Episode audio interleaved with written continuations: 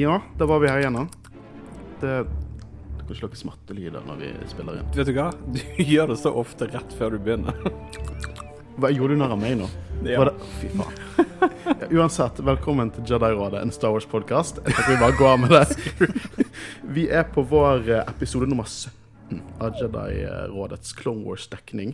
Begynner å nærme oss nå. Snart Jeg kan lukte sesong 7. Ja. Eh, men før vi dekker sesong 7 og Son of Deathmere, så må vi dekke avslutningen på sesong 6. Eh, vi skal dekke episode 10, The Lost One. Episode 11, The Voices.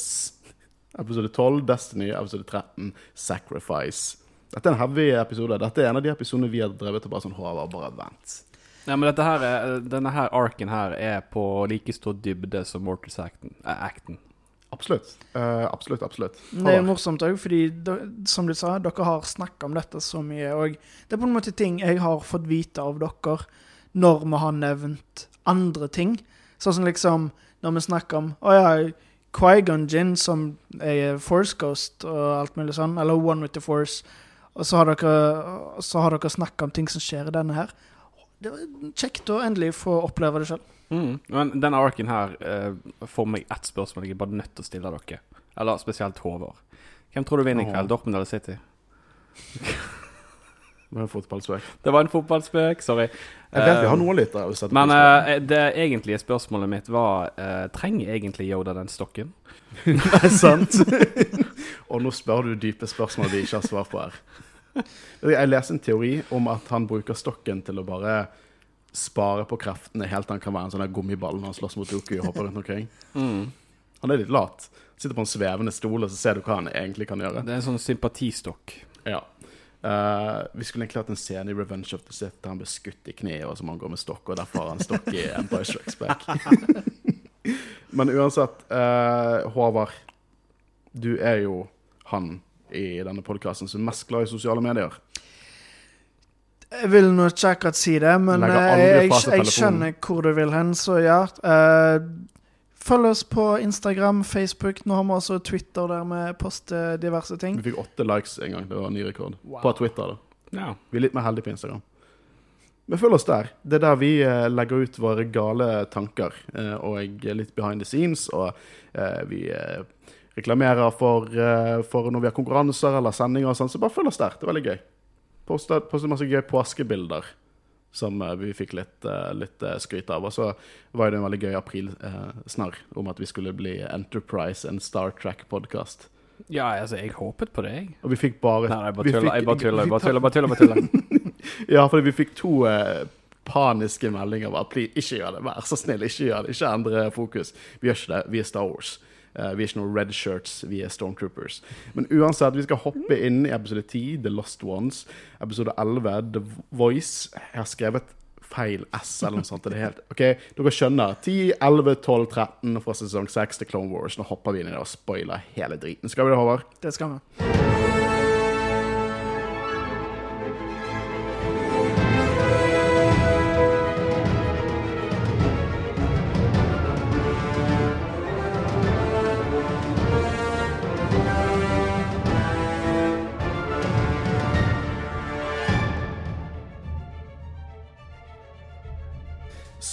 Episode 10 fra sesong 6, The Lost One. eh, Christian, har du mye å si på denne? Nei. Nei, skal jeg bare Jeg, jeg, for jeg skulle ikke være med å spoile, så jeg bare sitter her, jeg. Du, du må jo være med å spoile. Å ja. Nei, du sa Håvard. Jeg sitter i en sånn vinkel at jeg bare ser på Håvard. så Ja, jeg, jeg, jeg syns det er litt urettferdig, for jeg ser ikke de vakre øynene til Håkon så ofte.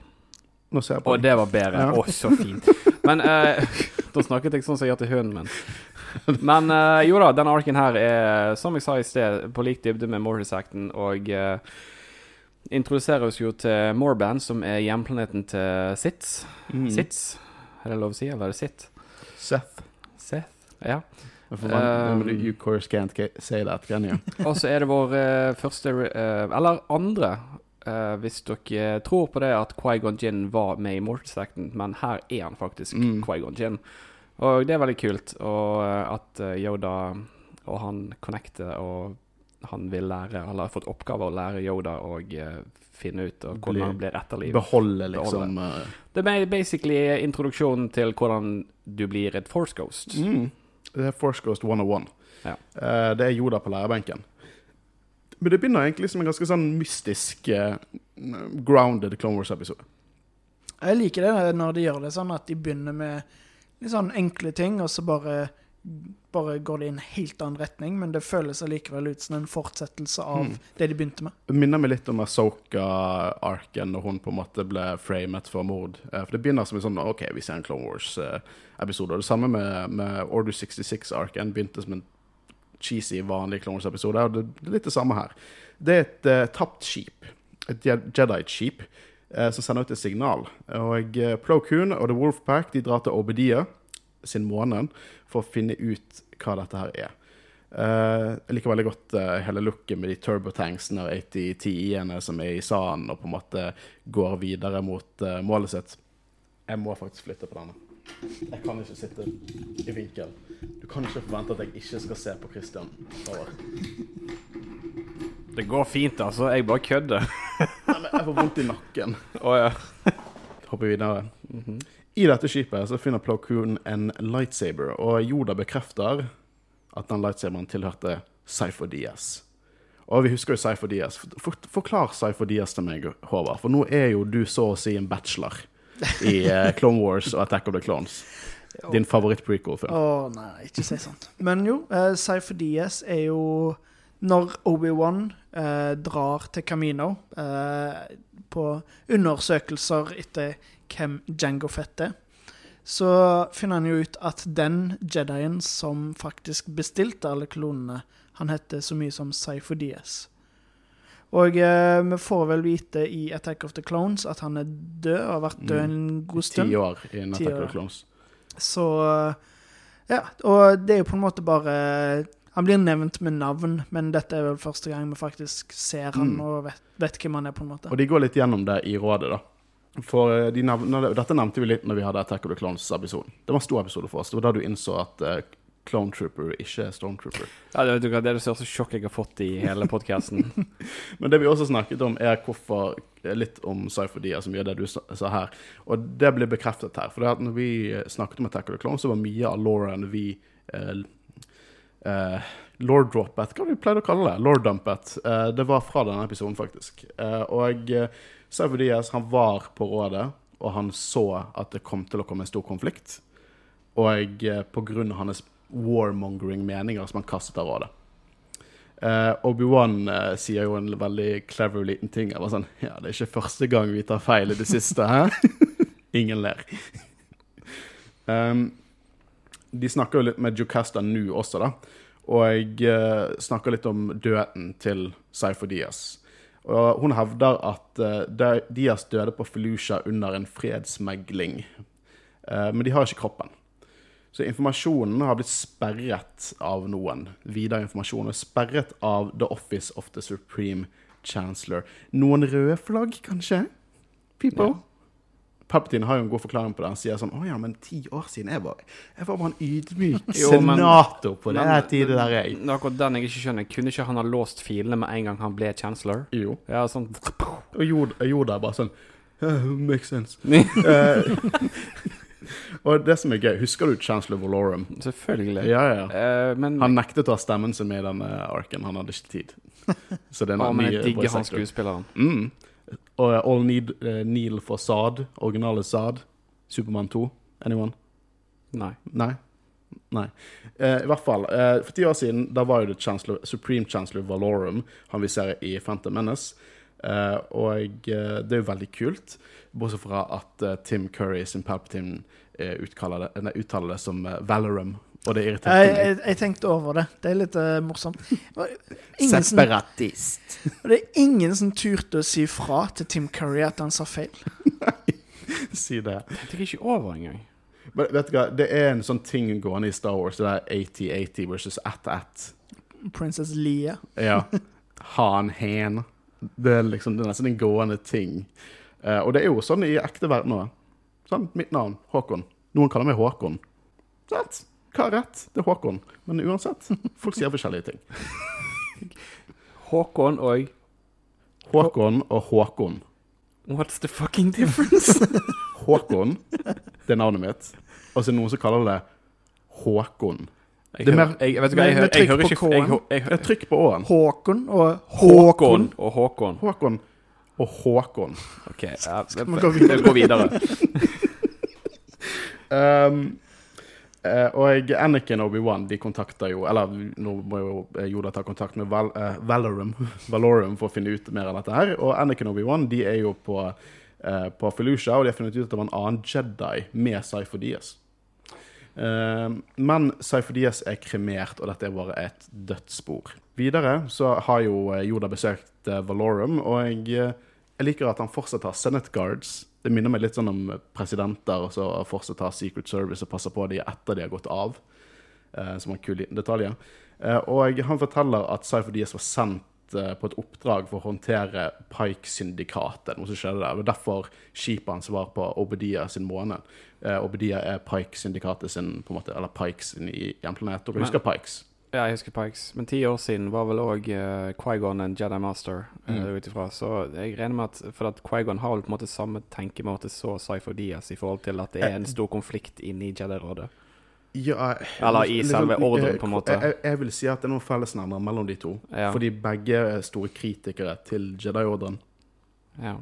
Når jeg var liten, så var jeg helt sikker på at uh, Cypher Diaz uh, bare var liksom eh, et kallenavn på Quaigon Ja, det trodde jeg òg. Jeg trodde det var Jeg trodde det var samme person. mat- Med tiden matchet det, liksom. ja, det er akkurat det. For at um, Jeg regner jo med at Cypher Diaz kanskje har hatt litt kontakt med Quaigon.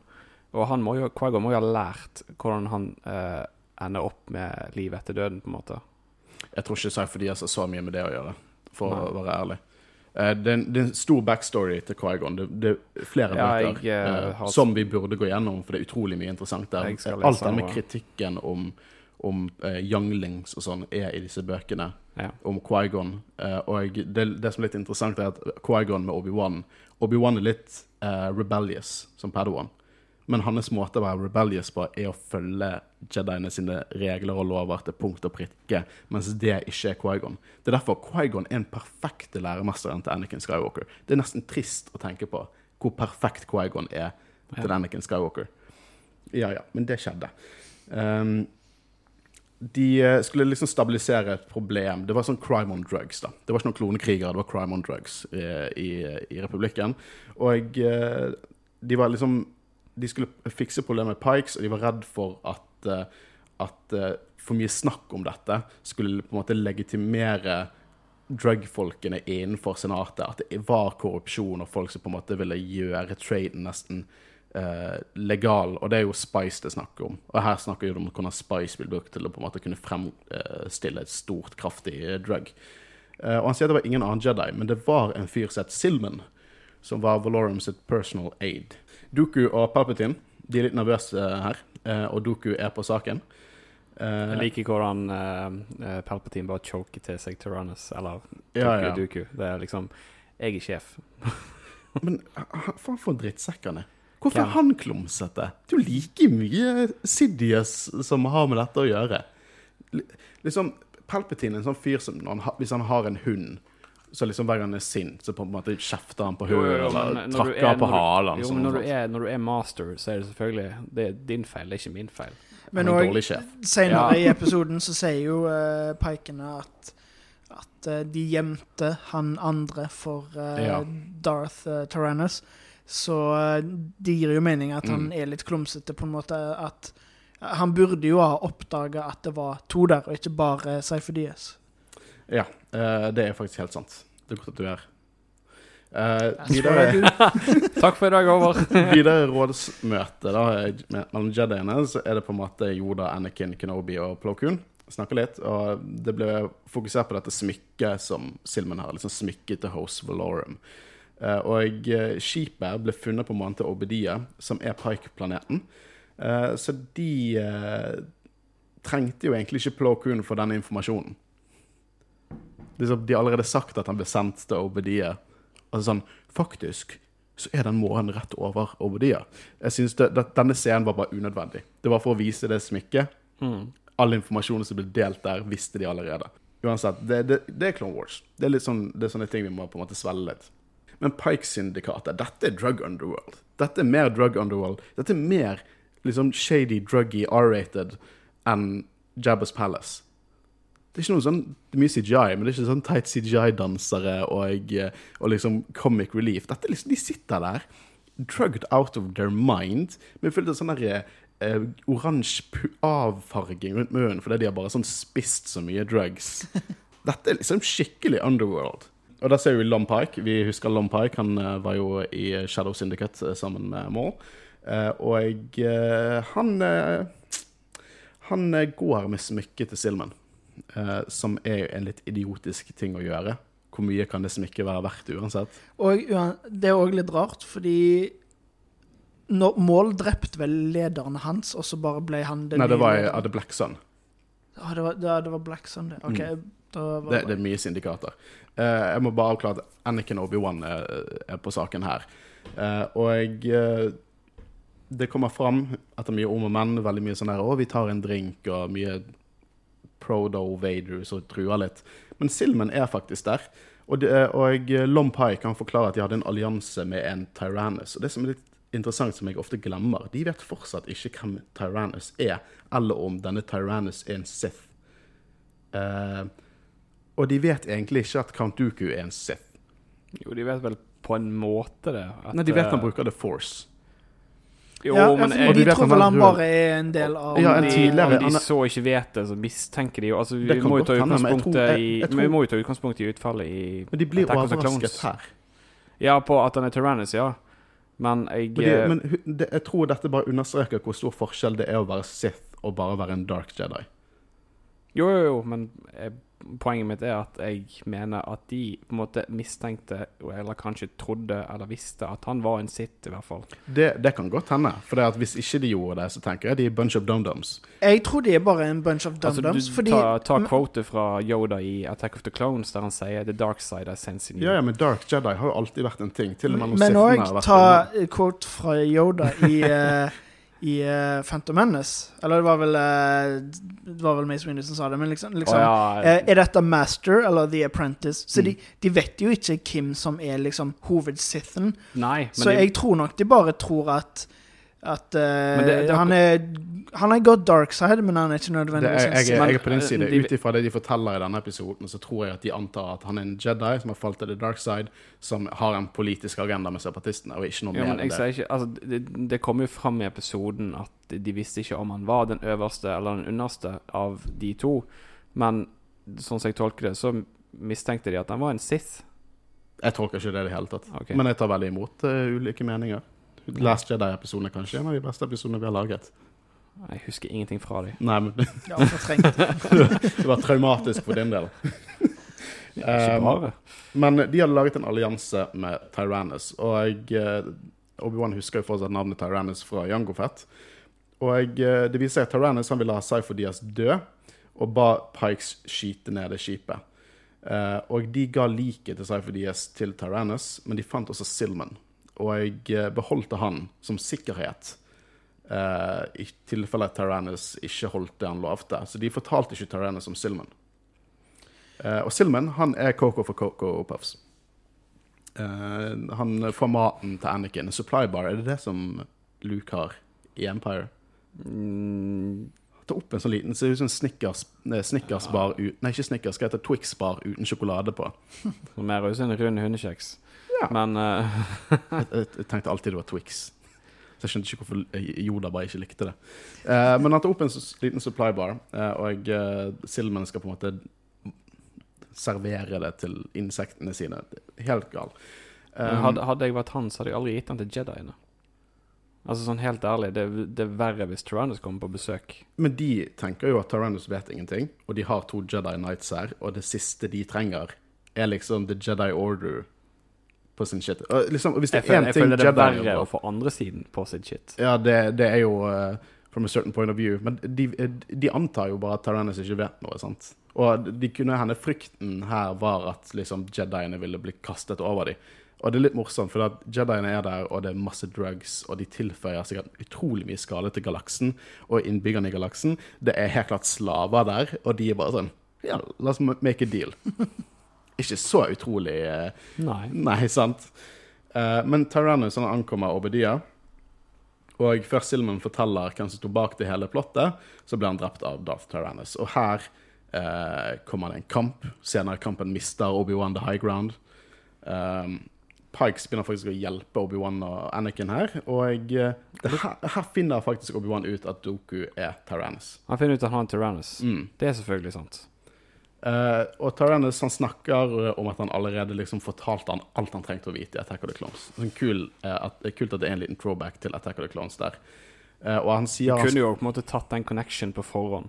Altså De kunne sagt at mm, kanskje Tyrannus er Duduku. Altså Det går jo an å dra inn ja. sammenligninger her. Men, Men, sånn, jeg, jeg vet at du, du, du men uh, jeg vil eh, ta Hæ? Nei. Nei, men Jeg vil bare litt på eh, Jeg faller litt tilbake her. Oh, Eh, ja. jeg vet at du, eh, du tenker at de må ha antatt at Doku var en Sith.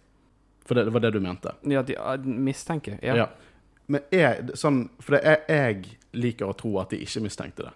Fordi at jeg tror at det er veldig enkelt for oss, sånn, eller meta Star Wars-fans, å tenke liksom Å, Sith, rød lightsaber.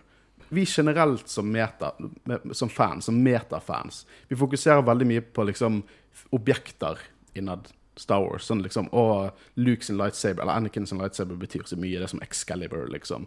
Uh, og, eh, og rød betyr Sith, liksom. Og det, det finnes ikke så mange der ute som er Dark Jedi som ikke er Sith. Men jeg føler, for jeg tror at de ikke antok at han var Sith i det hele tatt. Men jeg føler at dette viser hvor organisatorisk det Sith er, og hvor vanlig det var for Jedi å gå dark side. For det er også noe i High Republic, eh, ikke Light of Jedi så vidt jeg vet, men det er noe der i forhold til Dark Jedi. Vi snakket om uh, The Citadel-arken, der de brukte liksom fengselet til Dark Jedi, eller Jedi som gikk Rogue, eller Jedi som gikk Dark rett og slett. Så jeg tror at det er en mer vanlig ting enn det vi kanskje antar ut ifra det vi ser. Jo, men jeg baserer det ikke på eh, eksempel at han har red lightsaber eller den type ting. Jeg eh, baserer det på eksempel det faktum at eh, Mål døde i episode 1. Det må jo inn en erstatning. Den type ting går jo an å tenke. over. Ja, jeg syns de burde altså, jeg, det. jeg sier ikke at de eh, eh, At hvis jeg, jeg hadde spurt Jedi-rådet, dere to Nei da, men hvis jeg hadde sagt liksom uh, Duku er en sits uh, Men du, han har ikke det i seg. Han var Jedi, han er en politisk Ja, idealist. Han kunne ikke myrde noen. samme du- Sier Mace Window. Nå skal jeg si det samme som du sier. Fuck Mace Windu. Men ehm, Men Kristian, jeg tror du forventer litt for mye av Jediene. Ja, det tror For jeg de har jo allerede snakka så mye ja, om de hvor- noen, de hvor er mange- noen De er bare idioter, alle sammen. arrogante, naive jævler, men det er ikke poenget mitt. Poenget mitt er at mistanke å si at han er det, er to forskjellige ting. Det går, at de har mistanke Jeg vil ikke, jeg vil ikke utelukke at det er noen har mistanke om det. Ja, altså jeg, ja, jeg sier ikke at de mener at han er en sits, men han, de vet jo at han er med separatistene. Mm. Nei, jeg, jeg Og de vet han bruker dark uh, side of the force. Så at de kan ha en mistanke om at han er den nye apprenticen, eller han var lederen, er en Mm. mulighet. Men jeg Mm. sier ikke at han er det, at de tror han er det. Men så også sånn det han sa til Obi-Wan så snak, Han snakket ut i Attack of the Clones. Ja, det er jo også viktig å bemerke, for da sier han til Obi-Wan fordi han prøver å få han med på sin side. Men han snakker også som at han ikke har noe med Sidious å gjøre. Nja jo. for han snakker i Attack of the Clones om at eh, det er noen i republikken som er høyt oppe, så de ikke vet om, som er en skjult trussel. Ja, men han, Og da snakker han jo om Sidious. vi kan, vi kan sammen kan vi, kan vi eh, liksom knuse han. Han snakker jo som at han ikke har noe med han å gjøre. Det er veldig typisk, Der er også sånn Det er jo sånn Å, det er sånn Sither snakker, liksom. Men liksom Ja, altså, i, i, hvilket uh, begrep er det ikke kjent at eh, lærlingen en gang prøver å ta plassen til hovedpersonen? Det er jo ikke superkjent for en alminnelig Jedi når, de har, når Sith har vært skjult i tusen år. Liksom, Nei, nei, nei. Yoda nei, nei, vet det. No, ja, uh, dårlig eksempel. Men uh, ja, de har vært skjult i tusen år, for så Mm. vidt greit. Um, nå glemte jeg litt hva vi snakket om. Nei, vi, Vi var inne på, om, eh, vi var inne på Attack of the Clones. Ja. Hva skal du si? ja, eh, Count Dooku sier til nå, Ja. akkurat nå, ikke Attack of the Clones. Han sier at han skulle joinet den når han først ba ja, om å som en ren referanse til Attack of the Clones. Og det elsker jeg, for Attack of the Clones er, jo en utrolig mye bedre film enn Phantom Menace over. Uh, og så sier han det at Cypher Diaz han hjalp han siden han skjønte hva som trengtes i fremtiden. Uh, og så eh, er jo det full kamp, og, og så tar Anakin og Obi-Wan og på en måte skal force pushe og litt sånn. Og det jeg tenker Lompai kan bli drept av, av uh, Tyrannus, men når de force pusher, så flyr liksom alle pikesene bakover. Men det er én pike som flyr offscreen, som jeg er overbevist om at de nettopp bare drepte. At han bare, jeg har sett den klippet flere ganger. Det ser ut som de bare giter en av pikesene som nettopp hjalp de, bare utenfor det stupet der. Jeg har tenkt over Ikke akkurat det, for det så jeg ikke. Jeg tenkte eh, mer på hvorfor i all verden de brukte force push når de rent, visste jo at de kom til å treffe Pikes i tillegg. ja, Hva var jeg jo tenkt på akkurat det samme. Det er jo ganske dårlig. Og så er det et veldig ulogisk sted å gjøre det på en bro. Det, det er ganske ulogisk. Eh, Det er mye om og men eh, Anakin hopper opp på et skip med at de bruker Det er kult. liksom Obi-Wan kaster han over. Eh. Det var faktisk noe tøft. Det Mm. var stilig. Men Tyrannus kommer seg unna, da. Uh, og uh, hos Jedi-rådet, altså in canon, in universe Jedi-rådet, så uh, vet nå Jediene at fienden skapte klonene for dem. De yeah. vet at Tyrannus bestilte, var, liksom, bestilte inn Jango Fett. De vet Cypher Diaz hadde med dette å gjøre. De Også, vet at fienden skapte klonene for dem. Og de og så fortsetter de å være helt teit i hodet. Hva er den avgjørelsen som Yoda kommer med? Ja, de, de, de vil ha en cover-up. Politiske greier, selvfølgelig. Uh, og Palpatine han må ikke vite noe. Han vet alt om før. Uh, og uh, hva er det Yoda sier at eh, Eller det er en av de som sier at de har nok tro på at klone, for klonene har hjulpet de så mye.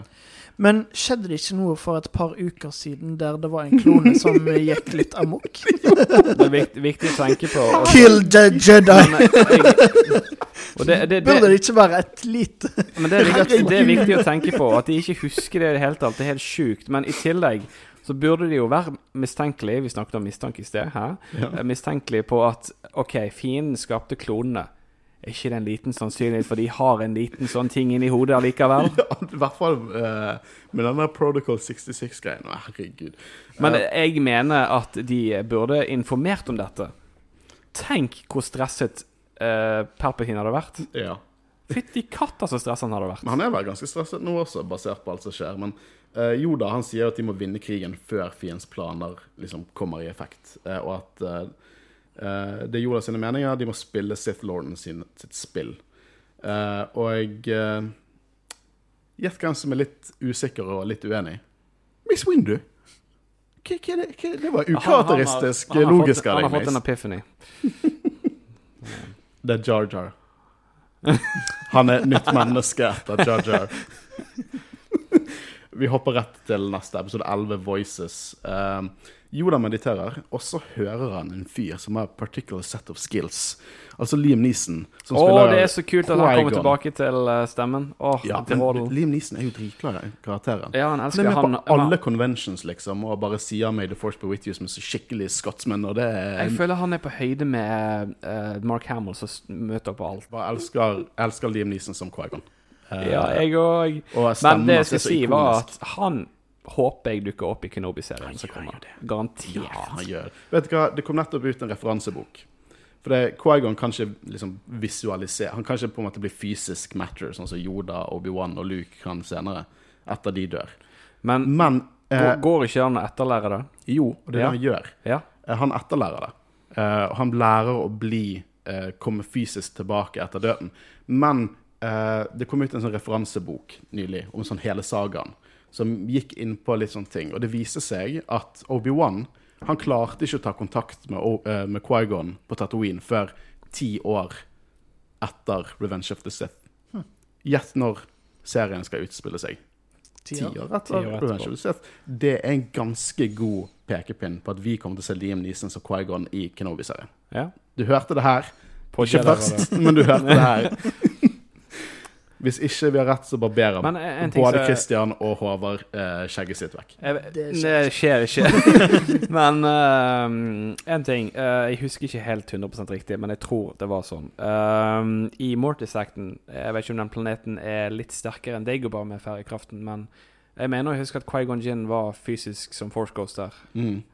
Hvorfor greier han ikke da det? Her er det pga. kraften sterkere på Vi vet jo egentlig ikke helt om om han faktisk var der, selv om jeg tror han var der. Men ja, kan- det er jo for så vidt sant. Vi vet jo det ikke 100 Jeg tror det, men det var en liksom For at Mortis er, er, liksom, er Mortis engang et fysisk sted? Nei, det er jo Eh, vanskelig jeg, å si. Det, Mm. jeg tolker det sånn at det ikke var det. Eller at det på en måte Det, det er jo selvfølgelig et fysisk sted, men ikke i Det- vår galakse. Eller Det, deres jo, laks. for det, det, det er jo sånn at de ble transportert der, så det kan jo være at det er en annen dimensjon òg, for så vidt. Ja, for alt vi vet. Det er Det- veldig funky, nesten Lovecraftian-greier eh, med Ja. Force til tider. Eh, og Yoda han sier jo at han er død, så, så han kan jo ikke snakke med han, men han snakker jo med han. Du hører jo det, Liam Neeson. Eh, og uh, det er interessant, for på denne tiden er Force Ghost-konseptet bare umulig. De tenker det er umulig. Det er Ja, men, ikke en ting som skjer. I løpet av en tusen Altså, Yoda trakk seg tilbake 100 år for å forstå kraften bedre, Mm. som jeg har lest. Um, Gjorde han? Jeg vet, ikke om det er canon nødvendigvis, men, eh, Nei, men eh, OK, sett bort ifra det, da. men det er det de har så Louis han kunne gjort. Ja. Men eh, bare for å ta spørsmålet istedenfor, så lurte jeg på da om eh, eh, hvorfor ikke det har dette vært på en måte et, et, et tema før? Altså hvorfor har ikke de funnet ut av dette her over 1000 generasjoner, var det sånn, eller? Ja, men det er jo ikke Det er jo liksom ikke en Det, det med The Force er jo liksom ikke en ting man bare sånn Man lærer liksom ikke bare Å, nå skal vi lære force choking, liksom. uh, Nei, nei, nei det, skjønner, det, skjønner, det skjønner jeg. Altså, men jeg tenker Quaigon må jo ha funnet ut av det på et punkt. mm. Hvordan fant han ut av det? Hvorfor har ikke de andre funnet ut av det før? Det liksom, at eh, Jedi eh, Sånn jeg tenker det Jediene er, var ikke så håpløst, eh, hvis du tenker litt lenger tilbake enn sånn som de er nå. Men de var fortsatt på vei dit. Det er Ja. ting som kommer fram senere i, denne, i, i disse episodene, Ja. som virkelig understreker hvor utrolig feil Jediene tar. Det er Og, ikke tull engang. og Og det er utrolig det, mye interessant der. det, merker, det, det lærer jo Yoda òg, til slutt. Og han lærer å gå Quaigon-veien. Ja. Og Yoda blir jo på en måte um, han, han må jo vise at han er verdig til å lære det, på en måte. Det er ikke noe de bare sier OK, ja, vær så god. Så de kan jo gi mening at på en måte Det ikke nødvendigvis var noe Quaigon Gin prøvde på, men at han var den eneste som fortjente det. Men en så ting var- annet jeg tror at Yoda eh, forstår etter denne arken her, eller denne reisen hans, er jo at han er jo lederen av Jedi-orderen akkurat nå. Jeg vet ikke hvor lenge han har vært det. Grandmaster, Ganske, ja, ja. Grandmaster, ganske lang stund. Mm. Og på en måte, sånn som jeg forstår det, så på en måte eh, prøver han å styre det sånn som det har vært gjort i løpet av så lenge han kan huske, men han Mm. merker nå at den veien som var før, er ikke nødvendigvis den rette veien nå, Mm. Uh, fordi tidene forandrer seg, og den type ting. Ja, men det, det er utrolig mye her. Det, du får altså innblikk Dette er liksom den siste spikeren i kisten. Eller det er en scene i, i sesong syv. eller Et par scener i sesong syv som understreker hvor fucked up Jedien er. Spesielt Miss Windu. Beklager, Mathias. Ja, Jeg snakker til deg. Han er en bad guy. Uh, Vet du hva som hadde vært gøy? Hatt en podkast med Samuel Jackson ved siden av. ja, da hadde det bare vært kjempekult. Jeg, liker å hate han. Jeg elsker å hate han. Jeg gjentar meg hele tiden. Uh, så dere sitter på mobil, ja? Nei, bare fortsett, du. Vi bør komme oss gjennom første episoden, kanskje. Så rådet de sitter og diskuterer om Duku er herren, eleven av Sith Lords. Sant? Nå, nå diskuterer de. de må, det er en stor revelation. Mm. Uh, og eh, de virker litt ignorant til Duku sin rolle her. Det, det liksom, som, jeg, jeg er enig med deg at de burde antatt noe tidligere. Hvis de har antatt noe tidligere, så har de som har antatt det, holdt kjeft. Eh, viser jo denne scenen. Og Yoda er ufokusert. Han følger ikke med i klassen. Eh, og Mace han har litt lyst til å snakke med Kenobi om dette. Og De senser at det er uro i Yoda. Mace er bekymret. Og jeg sier vel at det liksom Obi-Wan sier vel at det er noe shadow something greater in our horizon. Det sier det er Mace som sier det. Um, og Anakin, han hører Qui-Gon sin stemme si Yoda. Uh, og jeg snakker da med Yoda. Og uh, Yoda snakker litt med det, om dette, for du så Qui-Gon på Mortis, spør Yoda. da. Og uh, Anakin han tror det var en illusjon, men det viser seg at det er mer Obi-Wan som tror det er en illusjon, og Anakin ikke er helt med på akkurat det. Eh, og eh, det er på en måte snakk om alt vi vet av The Force, så betyr det at vi, du går ikke an å komme tilbake etter døden. Og så sier Yoda men hva med tingene vi ikke vet? Og Yoda virker nesten litt senil her.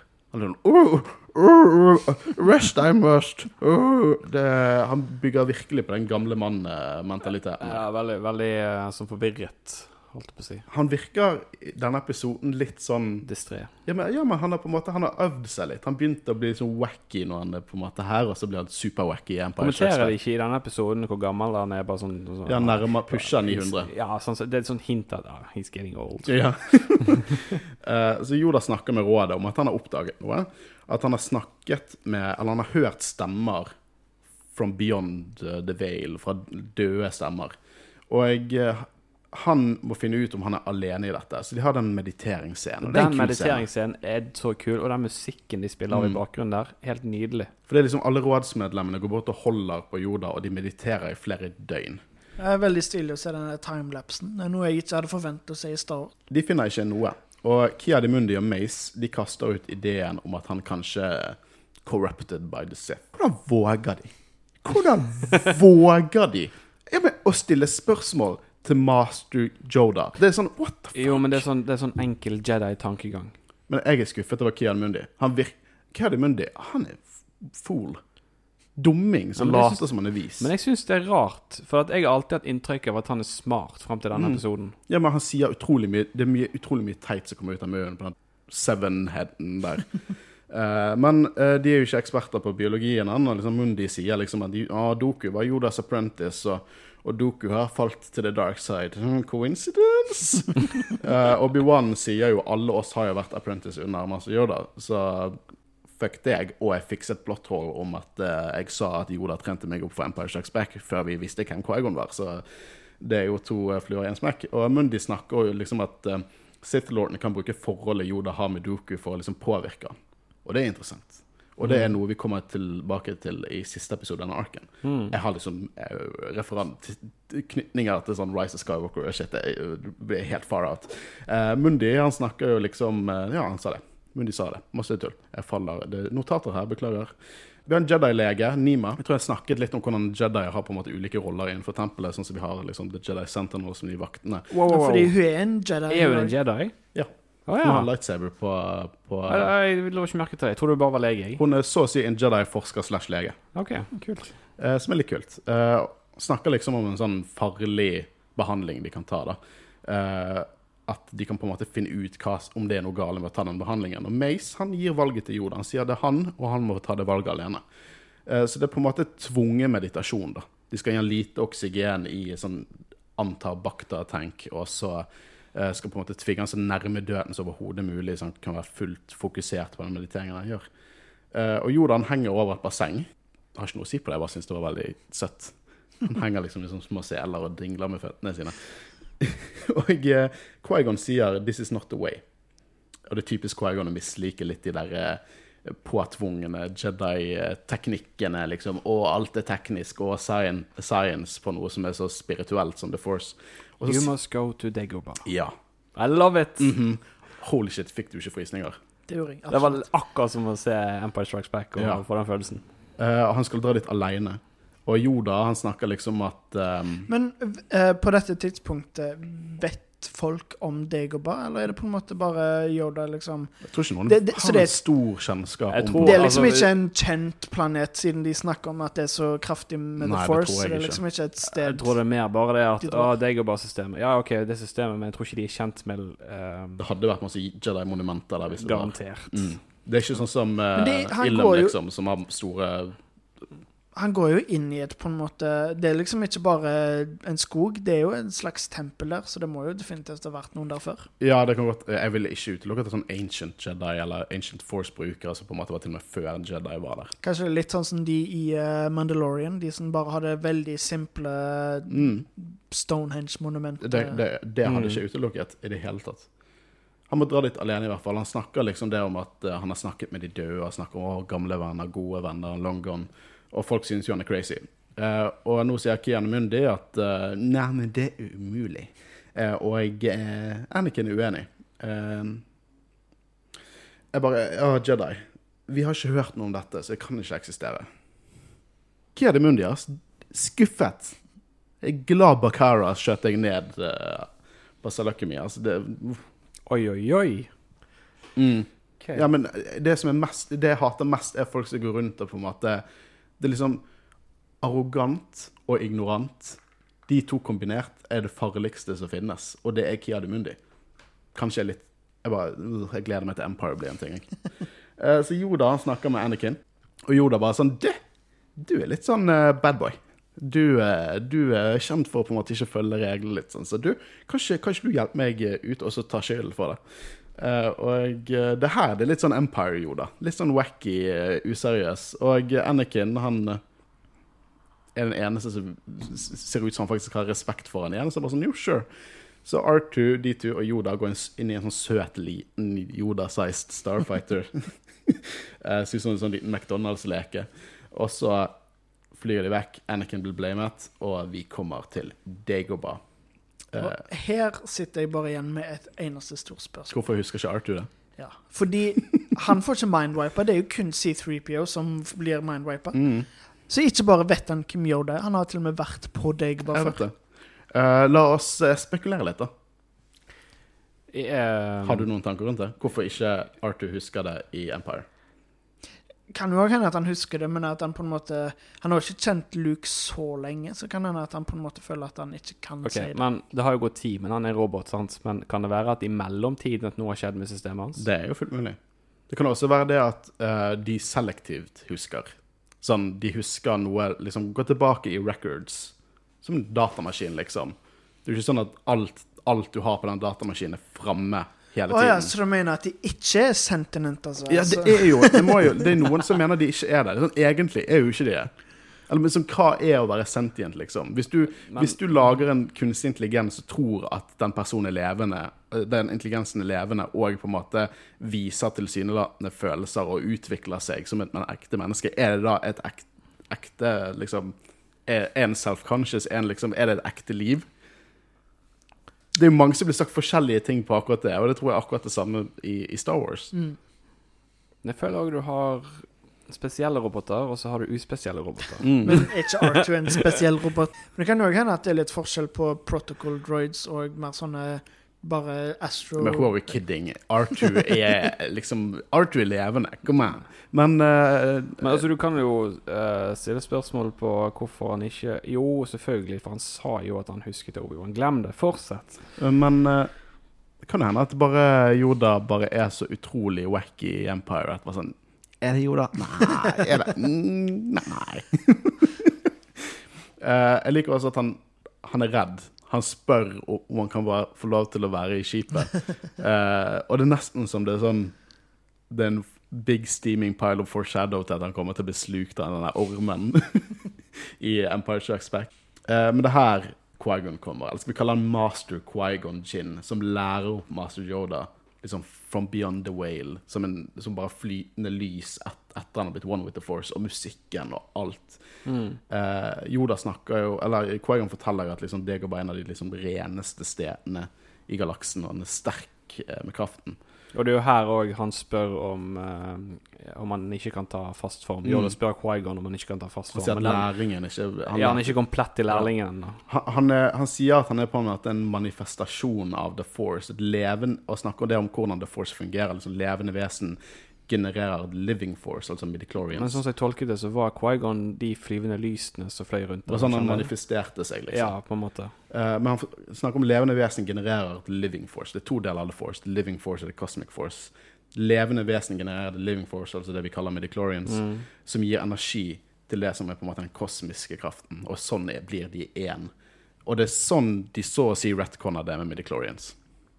At de forklarer det er en del av puslespillet, men det er langt ifra alt. Det er bare Jediene som kaller det midichlorians. Ja, jeg liker det veldig godt. Eh, Det, det skjer jo i neste episode, da. Mm. Men eh, det er noen personer som eh, vi kommer tilbake til, sier What you Jedis uh, in your science way call midichlorians. Mm. Et eller annet sånt. Det er Liker kult. dere det aspektet med midichlorians? Har dere Ja, noe imot midichlorians etter disse episodene? Jeg hadde ikke noe sterkt imot Midichlorians. Ikke. Ikke begynn med men jeg liker det bedre, ja. Jeg òg. Og jeg, han kan ikke vise seg, som du sier, fordi trening ikke er fullført, men han, eh, han klarer det etter hvert, som vi understreket tidligere. Eh, all energi fra den levende forcen går liksom til the cosmic force, binder alt, binder alt gjennom midichlorians. Han lever i et sted uten tid, som er bare wow! that's cool. Eh, og jeg, han skal på en måte veilede han til et sted som gir svar. Og det her kommer Yoda sin tur i The Dark Side Cave, som også Luke Ja, for det er samme Mm. hula. ja. Hmm, men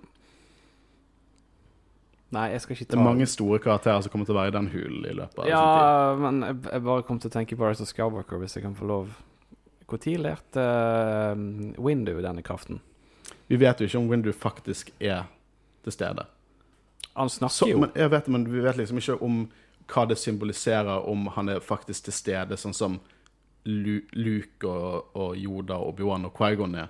Uh, jeg tolket det ikke sånn at alle de Jediene vi hørte, var one with the force, men det, liksom, det bare det stemmende stemmene. Det liksom deres de, Alle blir one with the force. Det had, de hadde understreket ua- før Force Ghost var en ting. Men det er liksom bare den The unity av alle de Jediene, den energien de har blitt, på en måte. Jeg, ikke, jeg, jeg tenker ikke på det bokstavelig. Nødvendigvis, hvis du skjønner hva jeg mener. Ja, jeg er med. Um, jeg bare Jeg, Men jeg bare- jeg vet bare- ikke hva jeg skal synes om Qui-Gon blir one Nei, om Mace Windu blir one with the force. Nei, for, for var det en I Legends fikk han en statue av seg sjøl etter uh, uh, Return of the Jedi, og det likte jeg ikke i Legends. Men, men nei, nei, for det bare kom til å tenke på For han var jo en av de stemmene i Rise of Skywalker der, Mm. som snakket til Ray, og da tenkte jeg automatisk kanskje Når lærte han den? Men jeg Ja, jeg, Det- det er min- jeg er med deg. Det er min tanke, da. Ja. Ja. Jeg liker den tanken litt bedre enn at Mace Windu skal bli one with the force. Liksom. Eller som Force Ghost. Eller. Du er bare livredd for at han hopper opp i uh, Kenobi-serien, du. Åh, men de skjer ikke. um, han sier liksom Qui-Gon gir bedre råd enn det Yoda gir til Luke i Empire. Han sier liksom du på en måte du tar med Du, ta, du møter det du tar med deg. Alt dette her. Uh, og uh, Yoda går inn, får en vision. Han ser at Palpatine dreper ikke, han ser Sidious. Han ser ikke at det er Palpatine. Dreper The Jedi. Han ser Shakti dø fra Anakin sin lightsaber. Det er også en slettet scene fra eh, Revenge of Sith. Dør på akkurat samme måte. Ak akkurat samme shot. Han ser liksom Sidious, og han får vite at dette kommer til å skje. Uh, Darkside eh, holder utrolig mye kraft nå, men det er alltid håp i former man ikke forventer. Og han har fått i oppgave, Qui-Gon har fått i oppgave om å guide Yoda. Yoda har blitt valgt, akkurat som Qui-Gon har blitt valgt. Skulle, og at Yoda skal få lov til å beholde sin individualitet etter døden, og kunne på en måte snakke med de levende etter døden. Og det er for å opprettholde Jedi-ordren, for å skape balanse. Og Men eh, bli valgt, hva ligger i det? bli valgt av The Force. Ja, men er ikke det åpent for alle, altså? Det er jo mye forskjellig, men The Force har jo, som vi vet, en egen agenda. Det er jo å opprettholde balanse. Om, om, om dette er som en gud Det var jo tidlig skriptet at liksom uh, Journal of the Wills var jo egentlig det Star Wars, første skriptet Ja. Star Wars het, og da var det snakk om sånne Force-guder og sånn. Uh, hvordan det er, det har ingen av oss svaret på. Det er opp til spekulering. Ja. Uh, Nei, for jeg bare tenker sånn at de velger han på en måte. For at jeg tolker jo det som at de som greier å lære dette på egen hånd, kan oppnå det.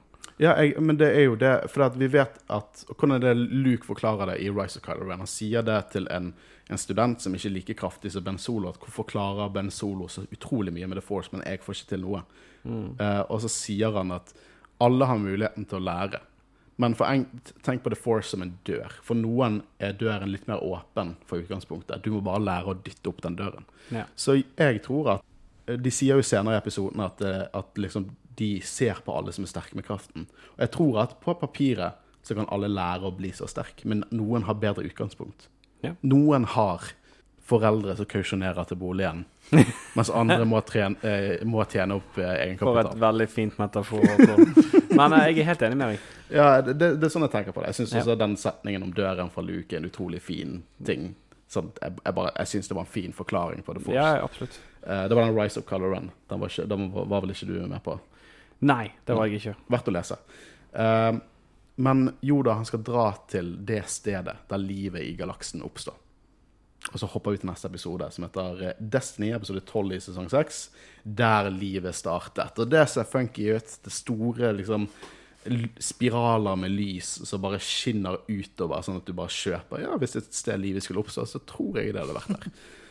uh, og Yoda bare lar skip, The Force styre skipet.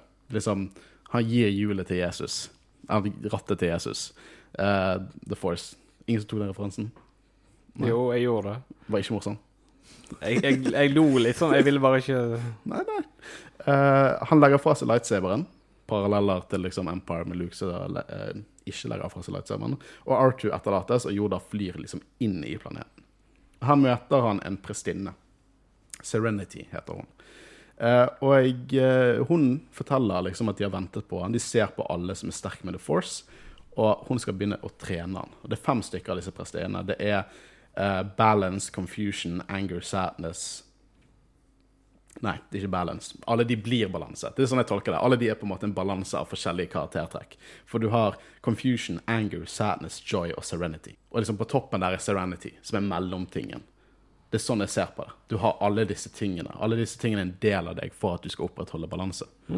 Eh, og jeg, eh, han er der, og de skal trene han til å på en måte opprettholde sin individualitet. At han kan på en måte fortsatt eksistere etter døden og på en måte snakke med de levende. For han skal trene én som er til å på en måte redde universet fra en stor ubalanse. Og hus, vi, husk, vi diskuterte mye av dette her i Mortis-episoden. Og jeg hadde en teori der om at uh, dette med balanse og The Chosen One er en, er en dominobrikke. Det begynner med Quaigon, som går videre til Anakin, som må drepe Jediene for å balansere den siden. For så om å bli redeemet av Luke, for å rebalansere der og til slutt gå til Ray for å skape ultimat balanse og gå videre. Jeg vet at folk, mange folk ikke liker Ray og psykotrilogien, men hør Mortis-episoden. Du går dypere inn der. Det er min teori. At det er, du har ulike The Chosen Ones på ulike tidspunkt. Og alle er en del av ulike The Chosen Ones. Ja, det, ja. Ja, det er fint. Er det mange som er uenige med deg, altså? jeg tror ikke det Det er ikke, vet, det er ikke så mange som Men har virkelig konkurrert eller liksom sagt jeg- Nei, du tar feil, Håkan. Men gjerne send inn og si at jeg tar feil. Jeg vet ikke om jeg babler nå, men eh, ta, altså balanse eh, Jeg mener jo at kraften på en måte eh, krever balanse, men at på en måte sits eller dark side users eh, er på en måte Nei, vet du hva, jeg vet ikke hvor jeg skal med dette her engang, så bare fortsett. Men hold den tanken, for jeg tror noe i sesong syv gjør at vi kan eh, komme tilbake til det. For jeg tror jeg, jeg, tror, jeg, tror jeg vet hva du går inn på. Um, og det er her på en måte vi får litt lærdom, da, så du nevnte at hun snakker liksom dette med uh, Jedien sin science kaller med the living force med the cosmic force, liksom de levende dør, Uh, og deres living force går til the cosmic force, og de blir én. Uh, de er nesten en sirkel, den ene gir krefter til den andre. Veldig Last Jedi, veldig Luke som lærer Ray. Jeg skulle til å si det. Eh, Vi har jo snakka tidligere om at uh, Det er nok ganske sikkert på at uh, Ryan Johnson har sett Clone Wars. Eller i hvert fall de som var med og skrev. Men uh, det tar det rett ut herfra, så det er veldig Mm. gøy. Dere trodde jeg var gal, men her ser dere det svart på hvitt. Jeg har aldri sagt at du var gal. uh, og eh, Serenity forteller Yoda at liksom, du må vite din ek, ditt ekte selv og la den gå. Du må overkomme frykten. Og Yoda er faktisk litt arrogant her. Han sier sånn «Eh, Jeg er Jedi-mester. Jeg trodde allerede jeg hadde gjort det. da. Han må bekjempe sin egen ondskap. Uh, og det er her vi møter Gollum, Yoda. Dark Yoda, Darkside dark side Yoda. Men det, det, det noe av dette her jeg elsker mest med denne arken. Det er Yoda som skal det- Sorry, men jeg bruker mange engelske uttrykk nå. Men face sin, uh, sine indre demoner, på en Mm. måte. Hva blir face på norsk? Møte sine møte ja. sin Ja, fuck det. Men vi, det er mye Star Wars, sant? Star Wars, Vi sier jo ikke 'velkommen til stjernekrigene'. liksom. Er, Nei, men vi sier klonekrigen. Um, Sier vi Klonekrigen? Ja, det gjør vi. ja, altså, vi sier keiserriket òg, så Ja, men det fikk vi kjeft for. Gjorde vi? Tilbake til Derfor kaller det Empire nå. Tilbake til poenget mitt. Han uh, møter sine indre demoner, som er ganske kult. For det han måtte lære i denne arken her, og er at uh, Tatt ut ifra Er det Phantom Menace eller Attack of the Clones? Nei, Ranch of the Sits. Så det er jo seinere. Kontradikter ikke det litt det som skjer her? Med at han sier til Anakin at han ikke må uh, At fear leads to the dark side, den type ting? Ja, For det er det på en måte han gjør her. Han møter jo sin indre frykt, og han ja. bekjemper det. Så det kontradikter jo litt det som skjer. Jeg har, uh, jeg har noen tanker her uh, om det. Eh, om, om, akkurat det der For som jeg er føler, sagt jeg, der. ja, for jeg føler at uh, Yoda på en måte innser i denne arken òg at uh, å ha følelser er nødvendigvis ikke en negativ ting. Mm. Og at Ja, den type. Ja, men, men så plutselig kom denne scenen i Ranch of the Sith rett inn i hodet på meg, så da ble jeg helt i tankeboksen. Jeg tenker at det kanskje er litt det, det, Denne episoden er litt retconny eh, i forhold til det Yoda Jeg, jeg føler liksom Du argumenterer at det Yoda sier, er fra et visst synspunkt basert på det han lærte her, som er jo det som er canon, men enkelte ting som sier der at- som føles veldig old school Jedi. Uh, sånn når han på en måte skal trøste Anakin, som er liksom i konflikt. Men Ja. altså, det han gjør nå, er at han, møter jo liksom sin onde side. Uh, og jeg, uh, han sier hele tiden 'du er ikke en del av meg', liksom. Og onde Yoda sier jo at hvordan kan du på en måte vokse i en krig som dette og si at du ikke har en mørk side? Han får faktisk litt kritikk. Og han snakker vel liksom, indirekte om det vi snakker om med, med Jediene og Peacekeepers i, eller Warriors. sant? At de på en måte De, de er warmongers. De er generaler i, på slagmarken. De er jo ikke det Jedier skal være. Og til slutt så tar han og anerkjenner at han er en del av han. Men makt har han ikke over Yoda. Og eh, dette viser hva en ekte Jedi er. Alle har en dark side. Man må leve med den dark siden. Man må ikke glemme den dark siden. Og senere så sier uh, Serenity at å benekte dette monsteret som alle har i seg, er å gi det krefter. Anakin, hvis Anakin hadde fått lov til å anerkjenne sine feil og sine frykter der, og pr kanskje prøve å overvinne det, istedenfor å bare fanatisk følge en gjeng med kultfanatikere sine regler med å undertrykke det. Det eksisterer ikke, det er ikke en ting, det er ikke en del av meg. Så kanskje hadde alt dette vært unngått. Og jo mer du undertrykker det, sånn som vi ser, eh, jo større eksplosjon, Mm, ja, og uh, Vader. basically. Ja. Og jeg, og jeg tror at, at liksom det Alt dette her er måten å skape balanse De som tar med liksom den fysiske The Living Force videre, altså potensielt Ray i slutten av Rise of Skywalker, må ha disse egenskapene og anerkjenne sin egen mørke side og overvinne sin egen mørke side. Og det føler jeg skjer. Si hva du vil om filmen, det føler jeg skjer. Det er ingenting her som gjør noe annet. Liksom, Rise of Skywalker i mitt bilde, det som skjer der, gjør ikke det matcher med lærdommen vi har. Kanskje jeg bare trekker etter strå. Hvem vet. Men uh, han, har, han, uh, han har vunnet over sitt overmot. Og nå skal han vinne over fristelsen sin. Og, eh, og Yoda er liksom litt sånn paff. For han tenker liksom jeg hadde full kontroll. Jeg trodde jeg hadde full kontroll. Liksom Hadde stabil tittel som grandmaster. Liksom, liksom Fremtiden min var satt på plass, men jeg vet tydeligvis ingenting. Kan du tenke hvordan det er med resten av gjengen. Men nå skal han møte sin, sine fristelser. Han skal vinne over sine fristelser og gå inn i liksom the valley of extinction. Og her får han en visjon av det jeg må anta er angrepet eh, av som Darth Vader gjør mot tempelet. I hvert fall en versjon av det. Eh, selv om Asoka var jo ikke der da. Men Asoka ligger på gulvet døende. Eh, og eh, Yoda spør hvem har gjort dette, her, og så sier hun The Sith. Og eh, jeg tolker det litt sånn at hun snakker mye om sånn her Og kommer jeg til å bli one with the force når jeg ikke jeg er Jedi? Sånn, hvorfor gjorde ikke du noe når jeg ble liksom kastet ut? Og jeg tror Yoda føler mye skyld. Jeg tror ikke Yoda var enig med rådet sin, eh, sin mening der. Det var også han som sa at liksom råd, Vi er ikke enige når Asoka ble kastet ut. Så jeg tror at han føler mye anger og skyld pga. det som skjedde med Asoka. Mm. Uh, og jeg, eh, vi ser Katuni. Husker du Katuni? Lille younglingen fikk seg en Kyber-krystall. En episoden vi Ja, stemmer det. han, ja. ja. Uh, hun dukker opp og viser Yoda en visjon der klonekrigene aldri skjedde. Og alt, som på, alt rundt klonekrigene har ikke skjedd. Så det vil si at Quaigon er der, Anakin er der, Obi-Wan, Asoka, til og med en snill Count Dooku er der. Eller lightside Count Dooku. Ja, altså ja, ja, glem det. Han, Han ser snill ut, ja. ja, Okay. han nevner også bare sånn Å, husker du når vi var på Kashik og, og, eh, og tok ut en uh, Å, Og Terrentitech. Si det ti ganger fort. Torrentattack, Torrentattack, Torrentattack. Eh, det er jo et stort, piggete monster som først var med i Nights of the Republic. Så fin liten referanse til det. Det er Cannon-based på grunn av det. Uh, og Yoda sier til slutt liksom For først er det veldig fint og stille, og liksom alt er greit, og så sier han er, denne, denne visjonen er feil, dette er løgner, du er død, du er en traitor. Og så snapper han ut av det. Det er en illusjon. Og det her Serenity dukker opp og forteller at ja, du har gjort det bra nå, og du må bruke resten av ditt liv på å lære.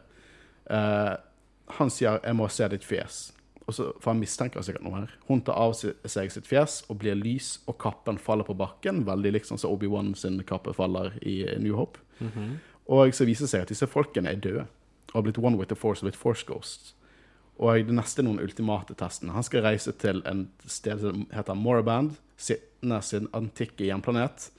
Eh, og eh, en liten ting å snakke om Var ikke det det stedet mange mistenkte Rise of Skywalker skulle Jo, besøke istedenfor. Exegol? Det er perfekt at du sier det. Jeg var også en av de som. Ja. Uh, først vil jeg snakke litt For om jeg var en av de, bare for å si det. Ja, for Først vil jeg snakke litt om navnet. Moraband. Uh, Dette er en sånn ting som Josh Lucas gjorde, som ikke var så happy. En av de siste tingene før Liksom. Den, faktisk kom denne episoden ut etter han hadde solgt til Disney. Og han, han bare likte ikke navnet Coraband, som altså ut, hadde så utrolig mye law bak seg. Han bare sånn Nei, liker ikke det navnet. Minner meg litt om Coruscant. Kan vi kalle det Moraband istedenfor? og jeg hatet det, men jeg tror han hadde noen folk under seg som til og med på den tiden skrev sånn Planeten hadde kanskje forskjellige navn i sin tid. Så det som er canon nå, er at antikke navnet for Moraband er Coraband. Akkurat som det var i Legends. Men altså, jeg, jeg vil ikke si at jeg har noe feil med begge Altså, begge navnene funker. Ja da, men det er bare så utrolig mye. Det, det er litt som å på en måte bare endre navnet, endre navnet på, på Thrawn. til Billy. Det hadde vært så mye mindre intimidating. Ja, men det er fortsatt Coreband. Det har alltid vært Coreband, bare at moderne navnet er Moraband. Og det er jo paralleller til ekte verden, hvordan navn på steder endrer seg. Og så var det det. Vi trodde jo at Exegol egentlig var Coraband. Ja, jeg mistenkte det. Mm, jeg også Men mistenkte nå det. sier du det For feil. det ser jo at det, ser jo at, uh, at det ligner. Det store Sif-statuer, veldig sånn øde, ondt sted. Uh, og uh, det er en forklaring, faktisk en logisk forklaring for hvorfor Exegol Exegol er ikke Coraband. For det er Coraband. det ligger ikke i The Unknown Region. Det er et kjent, det, det er et kjent sted. Det er som drar til Colosseum til, til Coreband.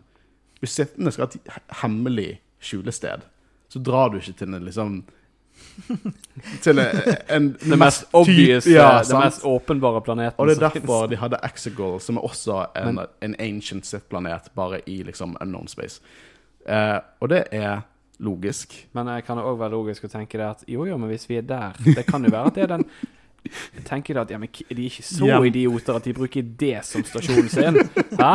Hæ? logikk? Hæ? ja. Men uansett sånn eh, Jeg husker jeg var litt skuffet når det ikke var Coreband i Russ Skywalker, men når jeg tenker mer over det, sånn, det gir jo mer mening. Dette er informasjon fra Altså, Visual Guide. For for min del så gjorde jeg ingenting heller i grunnen for at det ble bare introdusert eh, en ny planet. Mm. Exegol er jo er utrolig stilig. Eh, Kult Hele navn. konseptet med Exegol er utrolig stilig. Ja. Og vi hopper til siste episode i denne arken, episode 13, Sacrifice. Og jeg eh, kommer til eh, Jeg nekter å kalle det Morband. Kommer til Coreband, og jeg forteller liksom planeten var forlatt etter mange kriger. Eh, og jeg sier til Artu at du må reise tilbake til Coruscant hvis ikke jeg kommer tilbake etter tre netter. Og her får han en ny visjon. Det er mange små slanger som blir til en stor slange, og sier at de er The Sith. Slangen sier 'vi er The Sith'. Og plutselig endrer en form til mange sånne Sith-krigere Så ser ut som de er dratt rett ut av The Old Republic. Så ut som kultister og kjempekult. Ser ut som ancient Sith lords. Og det, jeg, jeg, jeg syns det er utrolig stilig, alt som er. Eh, og jeg, eh, det er Sith som snakker om at det finnes ikke liv etter døden, og at de skal fortelle dem. De skal fortelle dem at du er. Joda er. Så de skal sikkert de skal fortelle liksom the current Sith. Men det er vel der òg han sier, for at uh, Sitz er mer opptatt av uh, den Fysiske. fysiske verden. Mm. De bryr seg ikke om hva som skjer etterpå, de fyr- eh, bryr seg mer om hvordan de er i den fysiske verden. Så Og så var Palpatine som har en utrolig uh, fanatisk reise på å bli på det evige livet, da. Men går det greit om jeg introduserer det som skjer etterpå? Eh, ja da, Ja. Nei, nei, det er bare fordi at eh, jeg syns han er Han er en av mine topp fem uh, Sith Lord, syns jeg. Um, nå møter vi jo Han ser jo på sånne grave Gravkammer Nei, ikke gravkammer, sånn eh, kiste. Ja, sånn tomb, Ja, en tun eh, på en ja. måte. Sarkofag, eller det heter. Og så sakte, men sikkert åpner den seg, og så kommer det flammer og samler seg i en slags form, og så viser det seg å være Dart Bane, Mm. som er dødskul. Og han er jo den ehm, siste ut ifra, hvis jeg ikke husker feil, uh, The Old Republic, som uh, var igjen av sitsene og Mm. skapte regelen om bare to. Hvordan er det dette var en, eh, Var Darth Bane opprinnelig med i noe som var Legends, og så tok de det med Ja. he her, eller er det andre ting i Cannon der han er med? Uh, nei, dette er eneste i Cannon han er med, foreløpig. Uh, men han Men ikke engang nevnt? Han er utrolig stor i Legends. Ja. Han, er, han har en egen trilogi med bøker om seg. eh, som jeg fortsatt Jeg har ikke lest de, men de er, skal visst være utrolig bra. Ja, så det er stor ting at han er med i, i Cannon. Ja, veldig kult. Jeg håper jo de lager noe Old Republic-shit, jeg. Ja, det- det, jeg, vet hva, jeg skulle gjerne hatt en live action-serie om Bane. Absolutt. Ja. Og det kule her Gjett hvem som er stemmen. Å, dette vet jeg egentlig. Håkon Jeg husker ikke. Mark Hamill. Ja. Det er Mark Hamill som har stemmen til Darth Bane. Han er god stemmeskuespiller. Det hørte Ja, jeg det ikke i det hele Mm. tatt. Det må jeg se på ny. Og uh, han snakker jo der han sittende drepte seg, men han var overlevende, og han lærte opp bare én. Og eh, sier sånn 'Å, du kom her for å bli min apprentice. Du må drepe meg, vet du, hvis du skal bli det.' Og så sier Joda at du er ikke ekte. Uh, du er død. Uh, og jeg Bane sier 'Er ikke du redd meg?' Nei. Og så blir han dratt ned i graven sin, og graven på en måte åpner seg. Er det alltid så mye shit som skjer på eh, eller er det en del av prøvelsen at de der eh, prestinnene som en sånn tidligere, gjør dette her? Enkle svaret I don't know.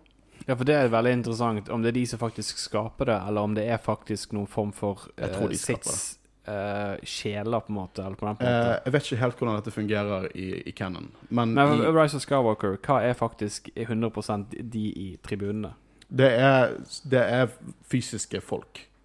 Sånn, sånn kultister okay. til det sitt. ja. Um, uh, men sånn så Dette her med å, å overleve etter døden fra sitt perspektiv er noe utrolig Ukjent. Ja, men Ja. du har eksempel Darth Moman, som på en måte døde ja, død, Moomin, ja, han heter Darth Moomin, men han døde og på en måte var så sinna at han var rett og slett ikke døde. Så han bare gikk, men han ble fanget i hjelmen sin, og han på en måte kunne ta over kroppene til folk hvis de tok på seg hjelmen. Han bygde slottet til Vader på, eh, på, på Mustafar. Og det er jo en måte å på en måte komme tilbake igjen til livet, og vi har jo på en måte Palpatine som klarte å, å gjøre det. Og det er jo liksom Mange liker ikke at Palpatine kom tilbake og mener det er ulogisk, men basert på det fulle universet sin law, er ikke det mest wacky som har skjedd med Sith Lord. Momin tok over gikk inn i en hjelm og ble funnet mange år senere og gikk inn i en kropp, åpnet en portal pga. en stor sånn der stemmegaffel-slott til Vader, og dro sin fysiske skje seg ut fra fortiden, for så å være full og hel i nåtiden.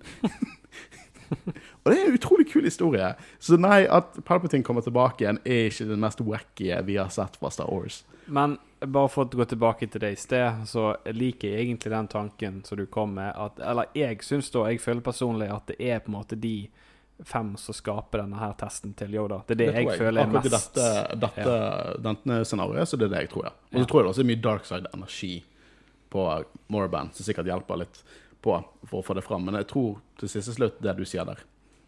Uh, på Coruscant så dukker jo Duku opp. Han uh, Tyrannus vil kalle noen, for de er veldig sithy akkurat nå. Og jeg skal snakke med Sidious. Og jeg, eh, jeg vil kommentere litt på utseendet til Duku. Jeg vil kommentere på at dette er vel på akkurat det samme stedet som de møtes i Attack of the Clones. Ikke? Eh, jo. Ja. Uh, men uh, utseendet til Doku Ser han litt andre klær på seg? Ikke den kappen og sånn? Han på en måte, han er bare går med vanlige, vanlige klær, og noen shoulder plates, men han har ikke den vanlige kappen han pleier å gå med. Det tenkte jeg ikke over. Det er Jeg, pga. jeg, lå merke budsjett. at, jeg lå ikke merke til det, men jeg lå merke til at han ikke gikk ned på kne. Det er pga. budsjett. De hadde ikke råd til å lage den kappen, for det gikk så utrolig mye penger inn i disse episodene. kan Ja, det tror jeg på. Ja. Hvor mye kan en kappe koste? Ja, det er veldig mye fysikk og dynamikk rundt en sånn kappe. sant? Og, Ja, ok. Men uh, jeg har aldri helt forstått dealen med sånn CGI, dyr CGI.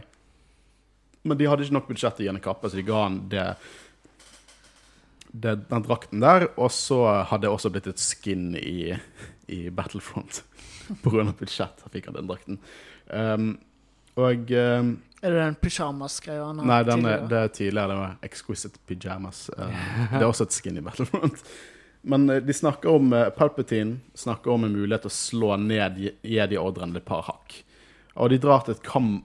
og nå hopper vi videre til Jorda. og da møter hun disse fem presteinene som sier her inne er det et kammer hvor Sith ofret Jedi. Hvor, hvor heavy metal er ikke det? liksom, come on. Eh, og han, det var også fortalt at dagens Sith vil finne han og gå inn i det kameraet. Det, eh, det kameraet. Det er sin siste test. Og imens Sidious Og jeg antar at de, at de faktisk drar til tempelet under Under Jedi-tempelet. Sith-tempelet som er under Jedi-tempelet. Jeg bare antar at det er der de går. Jeg har ikke bekreftet det, men det er det jeg alltid har tenkt de går til nå. Ja. Og Sidious han sier at det, det er noen betydningsfulle individer til en person, i dette tilfellet Doku, som kan få han til å kjenne kraften bevege seg gjennom tid og rom. Og det er det jeg syns er interessant. Snakk om tid og rom, kjenne kraften basert på et annet individ du har, som har betydning for deg. Dette her er jo noe force died shit. Jeg sier ikke at de er en force died, men jeg sier at ut ifra alt dette metafysiske shitet vi ser i sequel-trilogien, med liksom Kylo Ren og Ray som på en måte knyttet til hverandre gjennom to helt forskjellige steder i galaksen, og nesten kan fysisk interagere med hverandre. Dette er jo så sykt. Bare liksom De, de butter tærne sine oppi det aspektet her, syns jeg. Ja. Absolutt. Jeg tenkte ikke på akkurat det når jeg så det, men det, jeg liker tankegangen med det. Mm. det. Ja, det er kult. Um, Men jeg husker ikke når vi snakket litt om Force Nei, Rise of Skywalker.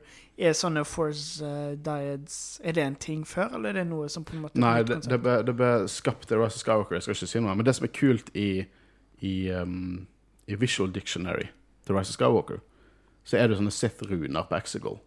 Og der står det spesielt i Visual Dictionary Her står rune om The Force Died, som mistenkeligvis er veldig lik en regel om The Rule of Two. Ta det som dere vil. Uh, uansett, det er jo selvfølgelig Doku sin connection med Yoda de skal misbruke her. Uh, og de vet at han er på Corban, og eh, de skal bruke dette tidligere båndet de hadde, til å på en måte kødde litt med han. Så da hadde de faktisk rett for noen episoder siden der det var Var det han eh, Mundi som sa Å, ja, men hva om båndet han hadde? Nei, han var lucky. Han var lucky når han sa det. Det har jo ikke noe å si med hvordan Yoda dro på ferden sin, men fuckings Mundi, liksom litt han, han bare hadde en litt rett call i, i mørket. Uh, men de skal bruke en gammel kunst fra det, liksom, under the dark side. En dark side-kunst. og uh, Siddis sier den trenger en dråpe blod, og så sier han liksom noe i Sith-språk som hørtes helt Ganske likt uh, måten uh, Jeg tror bare Tim Curry er ikke laget for å si Nei, nei, men uh, jeg har, nei, eh, Mother Talson Ja. måten, Fordi hun òg, når hun bruker sånn magic, så, så det er litt mer gravitas. sna, Snakker liksom Det er liksom ikke bare noe de, de gjør med liksom uten å si noe, det er at de faktisk det er Akkurat sånn trylleformel og sånn. Det, Jeg har en sånn Men, eh, tett fyr på sånn trylleformel. Jeg, jeg syns det er så cringy. Men det gjorde vi i forrige ark, gjorde ikke vi det? Vi skilte at magi var noe annet enn kraften. Nei, det har jo noe med kraften. Jeg bare vet ikke hvordan For at Jo, i Jedi Fall Order så sier jo de Magics Jeg hørte gjennom episoden på nytt igjen. For Magics er en del av The Force. Det er bare hvordan hun har fått så mye The Force. Eller hvordan startet det. Brukte hun det sånn Hadde hun på et tidspunkt ikke The Force? Lærte hun seg? Stjal hun det? Lærte hun seg en teknikk å stjele Force? I don't know. Det er utrolig mye mystisk rundt på uttalelsen. Ja. Um, og um, de, eh, de skal på en måte dryppe denne her dråpen ned i sånn uh, speil-type vann. Litt sånn som Galadriel sitt speil i Ringenes herre, hvis du husker. Når Frodo liksom ser fremtiden. Mm. Det er veld, veldig der. Uh, og så bruker de liksom sitt uh, lightning, eller dark side lightning, for på en måte få mix, the mixture liksom blandet og fint og godt. Uh, og de skal skjule seg, uh, for de vil ikke vise at de er til stede der, men de må ha et kjent fjes som kan gi svar, og de velger stakkars Saifo-Dias. Eh, og Yoda, som er inne i dette tempelet, ser jo på en måte Saifo-Dias henger fra sånne kjettinger. Og uh, Saifo-Dias sier liksom han kan fortelle ham hvem Sith Lorden er, du må bare slapp, slippe meg løs, så forteller jeg det. Og Yoda sier nei, og han sier da etterpå at 'Å, men jeg vet hvordan jeg får tak i det du søker etter'. Og så sier Yoda jeg 'Skjer ikke dere er for opptatt av det fysiske riket', eller sitter for opptatt av det fysiske riket, så på en måte sier han 'Men hva annet er det?' Eh, og eh, hvordan på en måte du, kan redde, du kan redde fremtiden, Yoda, og så sier liksom Sier han liksom Og The Sith har ingenting å vise meg, og bare driter i det. Og det er her Siddis kommer fram. Han står i kappen sin, og, og Yoda finner seg plutselig i en jakt sammen med Anakin og Rex og Five of First etter Dooku på Coruscant. Han skjønner ikke hvor han er, og det er klart en visjon. Men Yoda virker der nesten som at han tror at det er ekte. Og han sier liksom vi må henrette de. henrette Doku. Og Anakin henretter Doku akkurat på samme måte som han gjør Revenge, med at Doku faller ned på kne, han tar begge lightsaverne og kutter hodet hans. Yoda liker ikke det, men løper etter Sidious. Anakin følger med. Og uh, kul kamp. Det minner veldig om den Revenge-kampen. De hopper rundt omkring i, i senatet. Men Anakin er slått ut, og Yoda prøver liksom å redde han, mens Sidious driver og plager han med, med lightning, og til slutt og sier liksom 'the future is not set'. Um, jeg, jeg digger det at han sier det at uh, du kan på en måte stoppe det som kommer til å skje, eller uh, redde alle sammen, hvis du på en måte Mm. slipper taket og ikke redder deg sjøl. For at jeg føler hele greiene med den scenen er at um, Yoda lærer på en måte at Anakin har et stort ting å si. Vet du, akkurat jeg tenker, det er paralleller til hvor viktig Anakin er Ja, i hele det, dette det, det spillet. er helt sykt, for at eh, sånn som Palpatine sier, eller Sidious sier i dette, denne, dette visionet, er at hvis han slipper Anakin, så vil alt gå bra. Ja, da kan du drepe meg og redde alle. Ja. Og så sier han 'din fremtid er ikke sikret', og snur seg og prøver å redde Anakin. Mm. Og jeg tror jeg er helt der du er. At dette symboliserer liksom Anakin sin rolle i dette her. ja. Uh, og um, Sidious og Yoda faller til slutt, er det bare kappen der. Og Sidious sier liksom i den ekte verden da at nå har de feilet. De klarte ikke å knekke Yoda, de trenger litt mer tid på å knekke Jediene og Yoda. Uh, på slutten uh, så snakker han liksom med disse prestene og eh, spør om han er død. Og så sier de på en måte Jeg tenker mer som reborn. Eh, og uh, Quaigon skal trene han videre, og han skal lære å bli, bli liksom one with the force etter the force. Bli force ghost. Kan, kan jeg bare dra, dra inn en pønn her fra når uh, sier det til og bare sier det at uh, Hvorfor forshoker han ikke til Dooku og sa at You failed me again? Skylder på han. Sorry. En liten vits der, men eh, jeg trodde han skulle være litt mer morsom. Sorry. Ja, dere lo ikke min vits Ja, tidligere. jeg vet jeg prøver å lå det siste der, i hvert fall. Ja. Uh, Jeg lo mer av at du ikke klarte å få oss til å le av din egen vits. Eh, men vi hører klassisk Star Wars-musikk, og vi hører 8080-lyder fra, fra Empire Strikes Back. Vi har masse originaltrilogi-lydtrekk, ly, uh, lydspor, og vi hører Yoda si 'There is another Skywalker'. Vi hører Vader sin pusting, Mm. og nydelig, ass. Det ja. Og, det, vi, og det, det som det han vet nå, da, er jo at han vet at, han vet at alt kommer til å skje. Han vet at han må lære dette her, for så å trene neste.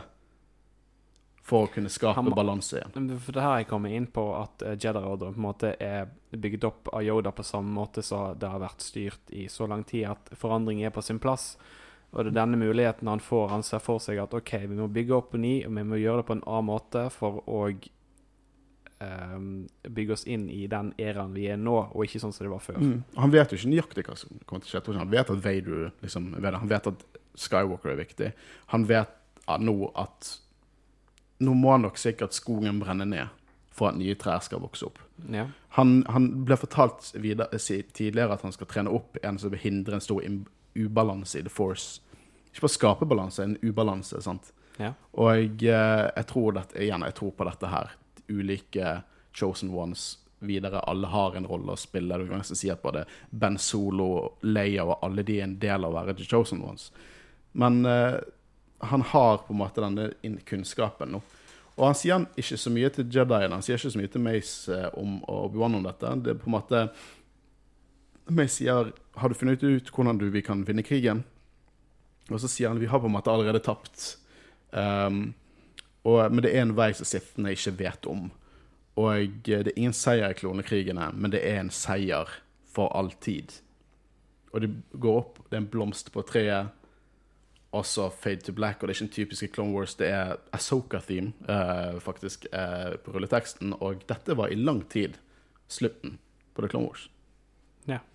Og hvor kult er det ikke at uh, når vi ser på Revenge of the Sith, så er Yoda klar over at dette må skje. Det er dyp retroaktiv eh, canon som fordyper den filmen. Altså. ja sånn Ja, som det jeg nevnte betyr det da at Yoda faktisk vet at det er Anakin? Han vet ikke detaljene. Nei, men han vet at det kommer til å skje. Han vet nok at Skywalker er viktig når han hører seg sjøl si sine siste ord 'There is another Skywalker'. Ja. Jeg synes dette her er en Dette er en episode som bare oser Star Wars. Gir meg frysninger av, oss, av liksom med Dagobah. Den bare knytter originaltrilogien og, og prequel-trilogien bare sammen perfekt. Den forklarer oss mer magisk sett. Så jeg tror veldig det Josh Lucas ville ha med The Force. Mm. tross for at han fant på Midichlorian, så tror jeg at han ville gå veldig dypt inn på liksom, det mer mytiske av det. Liksom hvor livet i galaksen oppsto. Jeg syns dette er helt nydelig. Ja, absolutt. Og eh, disse episodene er jo ikke skrevet av George Lucas, det er en annen forfatter, men han må jo definitivt være med Ja i prosessen. Så det, jeg- jeg er så glad at det finnes sånne episoder av Clone Wars. At det er gode. Eh, Ikke at eh, det har vært mye dårlig. Men du, hadde dette vært bedre hvis de sendte Jar Jar sammen med Yoda? Uh, Det hadde faktisk vært litt bedre. Come on, let it, let it go. Uh, men jeg er litt på det med Let it go. Hva syns du? Nei, jeg glemte hva jeg skulle si. Hva jeg synes. Ja. Og ehm, en av mine toppfavoritt-arcs uh, Jeg føler vi har sagt det, liksom. De, ikke forrige episode, men før det. Vi sier veldig ofte at dette er det verste. Jo, men det, det, det, det er liksom sånn Det er mye, det er mye gullkorn i Og jeg, jeg Og det har bare blitt bedre og bedre. Men i likhet med det du sier med uh, at uh, George Lucas har ikke skrevet disse her, så i likhet med Mortis-acten, så går jeg ut ifra at de har Hva skal jeg si Picked his brain. Ja, altså han er jo en executive eh, producer, så Ja. han er jo på en måte definitivt med på å lage dette her. Så eh, jeg tror nok han står bak mye av det. Så det er jo Men akkurat også det med mange av ideene også, tror jeg. Ja, Kanskje men- direkte manus, men Men det er jo akkurat det vi har sagt tidligere, om at George Lucas finner på så mye bra. Han bare klarer ikke å skrive og Mm. regissere. mm. Og så eh, føler jeg Altså, denne arken viser oss uh, hvordan eh, Force Ghost er mulig. Uh, det gir mening i forhold til å ha Quaigon uh, med tanke på det som ble sagt av Yoda i Range of the Sith, der han snakker med Quaigon. mm. Så eh, det er så dypt og bra laget. Animasjonen er på topp. Jeg digger denne arken, og han har samme dybde som Mortis. Og hvis ikke du har hørt den episoden av oss, så vil jeg ha hørt den i tillegg, for der òg Ja. går det mye fokus på uh, The Force og den type ting. I hvert fall min wacky idé om The Chosen Men Ones. i likhet Ja, men jeg, nei, jeg elsker den. Fantastisk ark. Mm. Det, det har vært helt fantastisk. Og vi begynner jo nærmere slutten. Uh, neste uke så skal vi dekke det som var opprinnelig skrevet til å være en ark, men ble til en tegneserie etter det ble kansellert, Son of Dethamir. Uh, og etter det så har vi en utrolig heavy episode der vi eh, eh, skal pumpe ut de åtte første episodene fra sesong syv av Clone Wars. Episoden etter det ikke noe fluff, ikke noe distraherende. Vi skal kun snakke om The Siege of Mandalore-arken. De fire siste episodene i Clone Wars. Og Håvard, gleder deg? Uh, ja, det gjør jeg. Um, jeg har gleda meg til mye Clone Wars, fordi dere har sagt at jeg bør glede meg Har det innfridd det opp til nå? Det har det absolutt. Uh, tenker du generelt Clone Wars, eller uh, de arkene dere snakker om? Fordi det, det er sånn som den forrige episoden, den med Jar Jar. Det er Du noe ødela Vi skulle aldri vist denne episoden, Christian.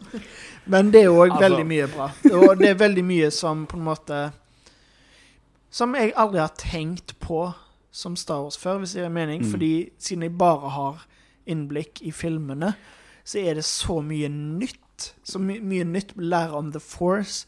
Uh, sånn som alt med Mother Talcin, alt med disse fem prestinnene som på en måte er noe annet enn bare Liksom Ja, det er så mye nytt jeg har lært om Star Wars, og det er så gøy. Mm. Uansett hvor mye du hater Jar Jar Binks, over, så må ikke du glemme at han er en del av universet, og det gjør han til en karakter du må undersøke litt. Ja, ja, for all del. Det, det, det har jeg Så ikke noe eh, Men la det er jo oss ta liksom en gun-gen-episode. Ja. ja, La oss også ta blir- en eh, blir- Mace Window-episode her. Ja, det, det er jo interessant. Jeg føler jeg snakker til en vegg her. Jeg liker å hate han. Jeg kan godt snakke om han. Men jeg liker ikke å hate Georgia. Nei, jeg vil bare ikke ha noe med Jar å gjøre. Jar Jar og, eh, og Morley. Verste. Å, ja, det tenkte jeg. Eh, eh, I denne arken her, når de mediterer, så ser du han der en eh, Jedien med masse skjegg og alt mulig sånn. Det er en slange. Ja, Men det er ikke en Anacondaen. Nei, nei, men jeg har aldri sett det før. Han er med i filmene. en- Men ser du at han er en slange i filmene? Mm. What? Jeg ble så sjokkert når jeg en så det. slange med skjegg. Å, så gøy. Ja. Eh, Skal vi si oss ferdig, da? Vi har snakket ganske lenge. Jeg tror det er bra, dette her. Men eh, følg oss på Instagram, Twitter, Facebook. Vi er nå Jedi-rådet, og vi sitter nå her snakker litt Star Wars. Er Håkon og jeg har sittet sammen. Håvard. Og Kristian Hunaspen. Og vi snakkes neste uke, der vi skal gå gjennom Son of Dathomir.